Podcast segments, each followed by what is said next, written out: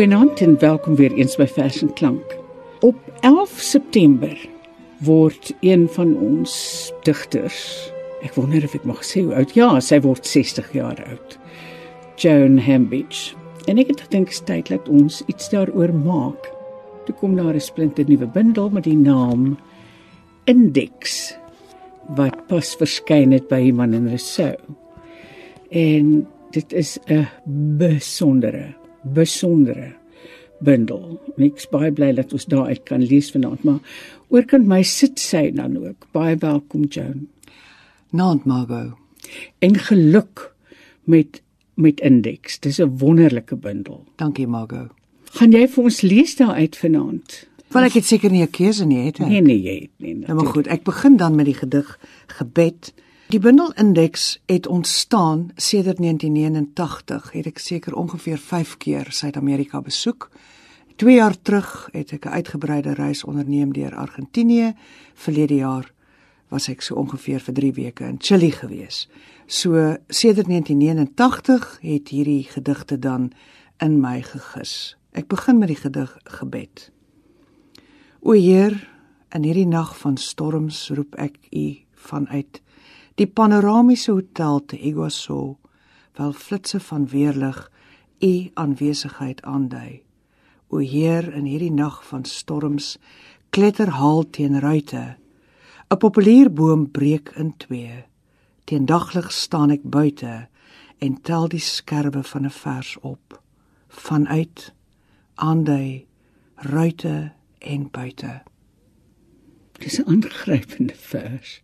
Dit is terloops die laaste gedig wat ek vir my vriend professor TT Kloete die digter gestuur het en ek onthou sy reaksie hierop was aangrypend. Ek wil dan miskien die gedig Icarus voorlees. En dit is 'n gedig wat ek geskryf het ongeveer 'n week voor sy dood was ek op besoek gewees in Hermanus en die gedig het ek dan geskryf vir Kloete terwyl ek luister na vers en klank. Die gedig hier dan Icarus about suffering they were never wrong the old masters. How well they understood its human position WH Auden. Vroegdag in 'n gastehuis langs die see Auberge Burgundy Termanus luister ek na vers en klank. Met verse vir die digter van die hoogste posisie en eie soortige idiolek. Teen die mure skildery so reg uit Miro, na linkse skynsel uit 'n modieuse lamp.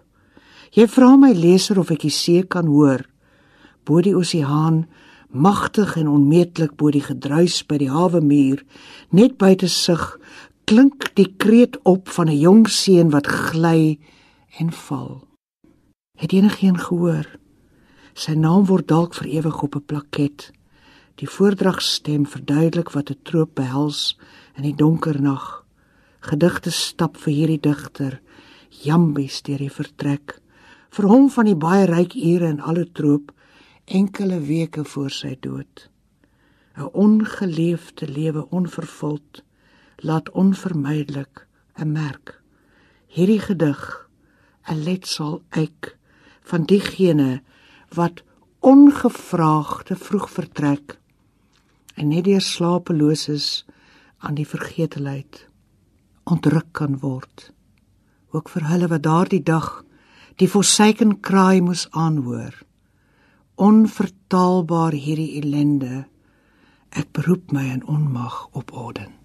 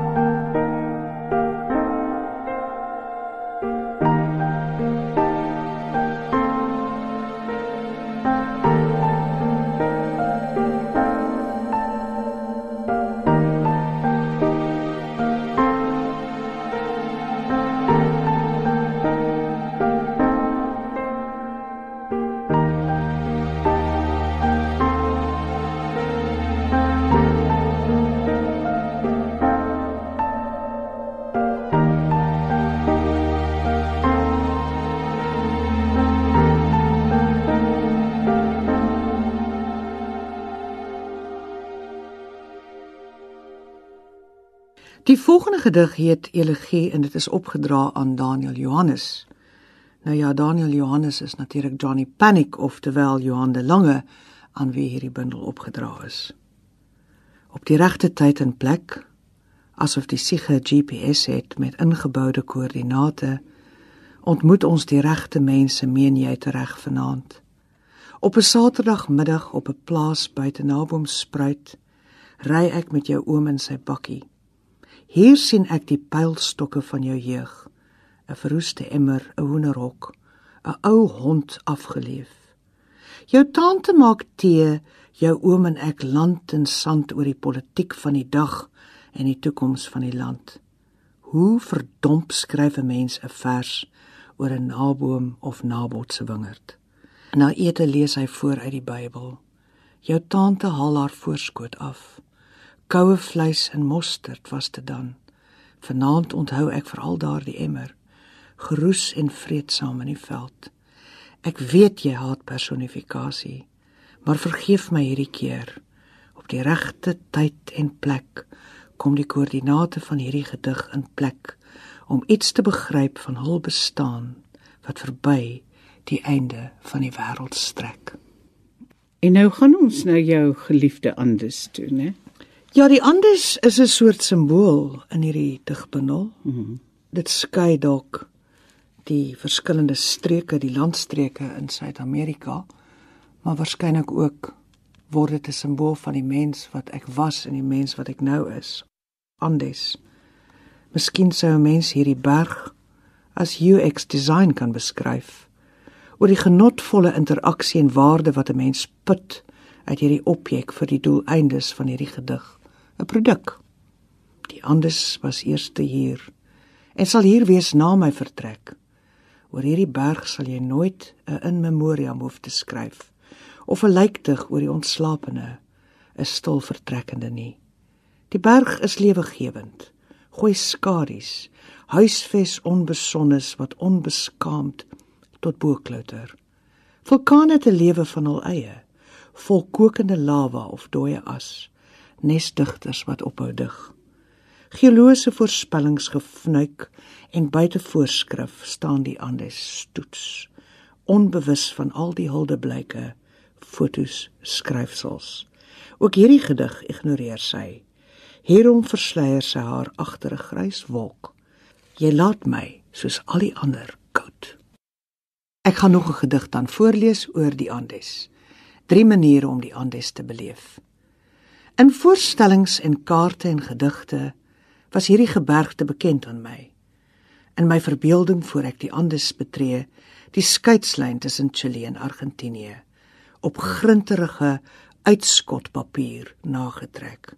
En nou uiteindelik neem 'n gids, Anriek, my die gebergte op, oop en bloot, toeristies uitgestal 'n besienswaardigheid, tog kil afsydig teenoor vreemdelinge. Die Andes gebergte nou die breek vir dit wat heers in my gemoed. Eens die najaag van liefde se belewing, nou die sobere soeke na heling. En eendag ja eendag sal ons dit so sien. Dit was alles net 'n kwessie van neerskryf. Die lewe nou niks meer as boetedoening. Thank you.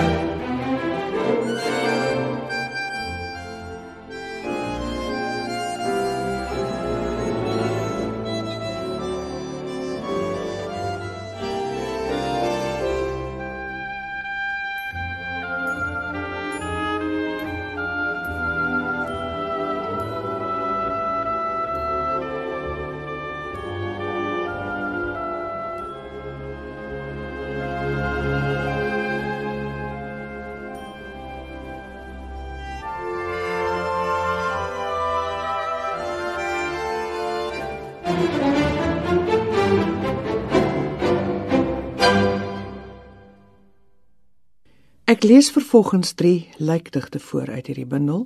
Die eerste ene is Chronostigon vir Ingelots. Tyd vermenigvuldig alle wonde in die indeks van verdriet. Oor jou dood vele insinuasies, 'n uitgestelde infinitief. Dis reeds 10 jaar en steeds betree die media met innuendo en subtext jou lewe, 'n onbeholpe novelle. Maar jy was meer as hierdie ongevraagde inkongruensie. Jy sterf in medias res soos 'n inlaat, 'n blote insidensie. Daar waar jy nou is, kind, is jy hopelik omring deur 'n helder spirituele lig wat alle aardse pyn verdring.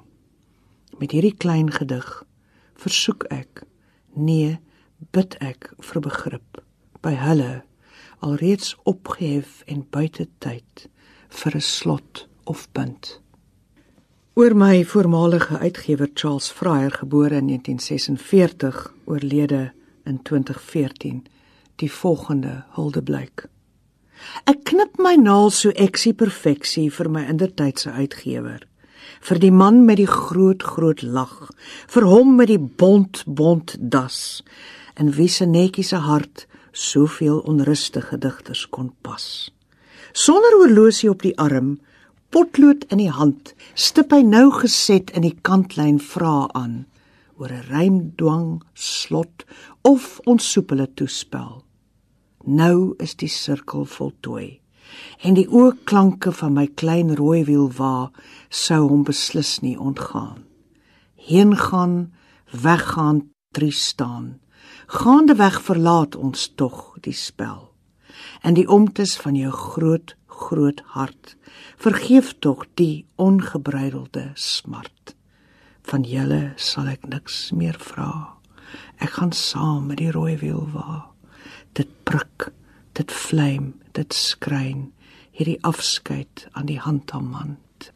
Charles Fryer was een van die heel eerste digters en destyds genoem redakteurs dink ek hmm. met wie ek saam 'n vers en klank gemaak het. Is dit? in ongeveer 1983 ongelooflik né? Ja.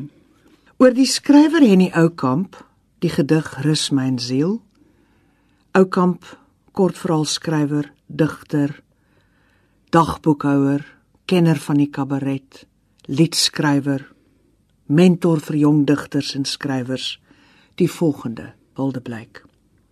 Ek haal dan aan uit sy werk Solder spel verleefde tyd 'n argeologie van triestigheid. Iets van meer stemmigheid het jy begryp as veelstemmer. Soms sotto voce, soms in diskant, flaneer, lewensgenieter, bergklimmer. 'n Doodskleed het geen sakke, jou doodshemp hiermals wel. Nou word jy bloot storie, 'n blootgelegde voor my takserende sperende blik weeg ek af. Wat bly oor van jou soene? Die stilgemaakte stem of toegedrukte oog? 'n doodskleed het geen sakke. Jou doodshemp hiermals wel. Om stadig ryp te word vir 'n slot soos jy iewers paslik beweer laat my dan vereers hierdie vers op 'n rak in 'n melankoliese kelder van herdig. 'n doodskleed het geen sakke jou doodshemp hiermals wel. In my lyktig breek jy oop, 'n helder granaat, vlamme soos linte, linte soos vlamme. Tyd verwond. Die Dalai Lama glo se tydverdryf behels die oopskroef van horlosies. Lyndon B Johnson tik ongeduldig in 'n vliegtyg op sy hak langs Jackie Kennedy. Meros skets 'n karakter wat geen tyd of verf op aarde kan opvul. Hoeveel punte nog behaal op Voyager myle om 'n metafoor anderkant tyd te loop haal. In Meros se familieskap was daar horlosiemakers en 'n goudsmid. Boonop glo hy in die teregstelling van kuns.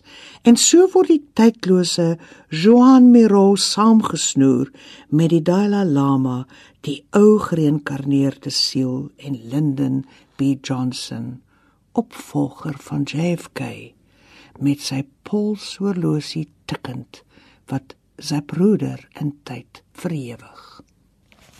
Daai gedig is eintlik my hele lewe, né?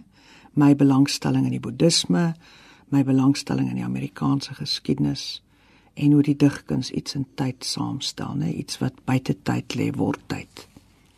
Ten slotte 'n gedig oor my vader wat ek al vir ewig het in 'n hele digbundel Dad. Op hierdie Vadersdag goedskiks 30 jaar te laat onthou ek hoe ek jou ligbruin jas met ekstra knope en binnesakke in 'n New Yorkse winter dra. Die jas is saam New Haven toe waar ek in 'n brief vir julle skryf van die koudste winter in mense jeugenis. My eerste sneeu hier met verwondering gevoel, ver benede vriespunt, met die geleende jas geborge my vulpen vergeet in een van die sakke. Die jas weet ma te vertel, het later verlore geraak. En daardie winter sou ek nooit kon weet hoe jy vader my sou bly beskud lank na jou vertrek wanneer ander winters kwaadskiks my sou koud lê. Joan Ambidge